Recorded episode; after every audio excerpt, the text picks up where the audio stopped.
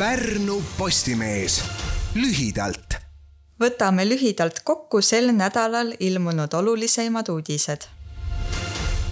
täna algab Pärnus muusikafestival Beach Grind, mis tähistab oma kümne aasta juubelit. esimest korda toimub laupäeval ametlik Beach Grindi eelpidu äsja avatud tüünis.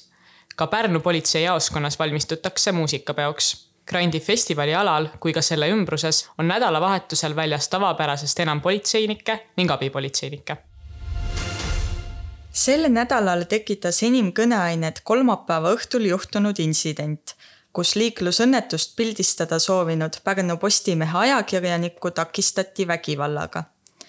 intsident juhtus Põhara külas, kus väidetavalt põdrale otsasõitu vältinud sõiduauto Citroen Jumpy, mille roolis oli kolmekümne viie aastane mees, oli teelt välja sõitnud ja paiskunud vastu puud.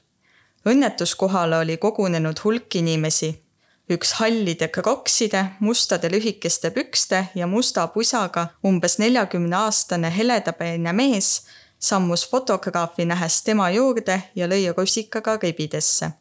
piltniku sõnutsi ei põhjendanud teda löönud mees ega teisedki sündmuskohal olnud inimesed, miks nad pildistamist takistavad. kuuldud jutu katkete põhjal oletas fotograaf, et inimesed ei soovinud, et pildil oleks jäänud autol olevad kirjad Pärnumaad kimbutas nädala alguses tormiline ilm ning tugevad äikesevihmad. Pikne süütas Pärnus maja ning Häädemeeste vallas puukuuri. välk lõi ka automaatikasüsteemi sassi, mistõttu Pärnu linn, Paikuse ja Tammiste olid ilma veeta. tuntud ilmauurija Kairo Kiitsak käis Pärnus omal nahal äikesetormi kogemas. Elektrilevi andmetel oli Paikuse külje all ja Sillaküla piirkonnas elektrita ligemale viissada klienti kui seni on mastaapne Pärnu-Uulu neljarealiseks ehitamine kulgenud suuremate probleemideta, siis nüüd tabas töid tagasilöök. äsja asfalteeritud lõigu alla tekkisid umbes mõnel kilomeetril suured augud, sest tugevad vihmahood viisid endaga osa pinnasest.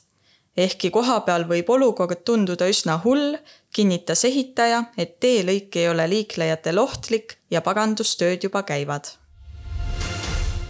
möödunud nädalavahetusel toimus kolmeteistkümnes noorte laulu- ja tantsupidu Püha on maa, kus osales Pärnumaalt ligemale tuhat seitsesada tantsijat ja lauljat. tantsupeol esitati ka pärnakate loodud tantse.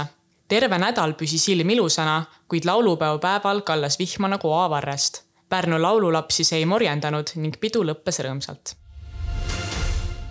teisipäeval sai häirekeskus teate Pärnust Rüütli tänavalt, kust leiti kahtlane hõbedane kohver. sündmuskohale sõitsid politseinikud, kiirabi ja Päästeameti demineerijad. kaasa võeti ka pommirobot. kuna demineerijad ei suutnud kohvri sisu välja selgitada, otsustasid nad selle veekahuriga puruks lasta. siis selguski, et kahtlane kohver oli tühi ja elu võis tavapäraselt jätkuda uudiste nädala võtsid kokku ajakirjanikud Kati Saagim ja Elisa Beljaev. Kuulmiseni. Pärnu Postimees lühidalt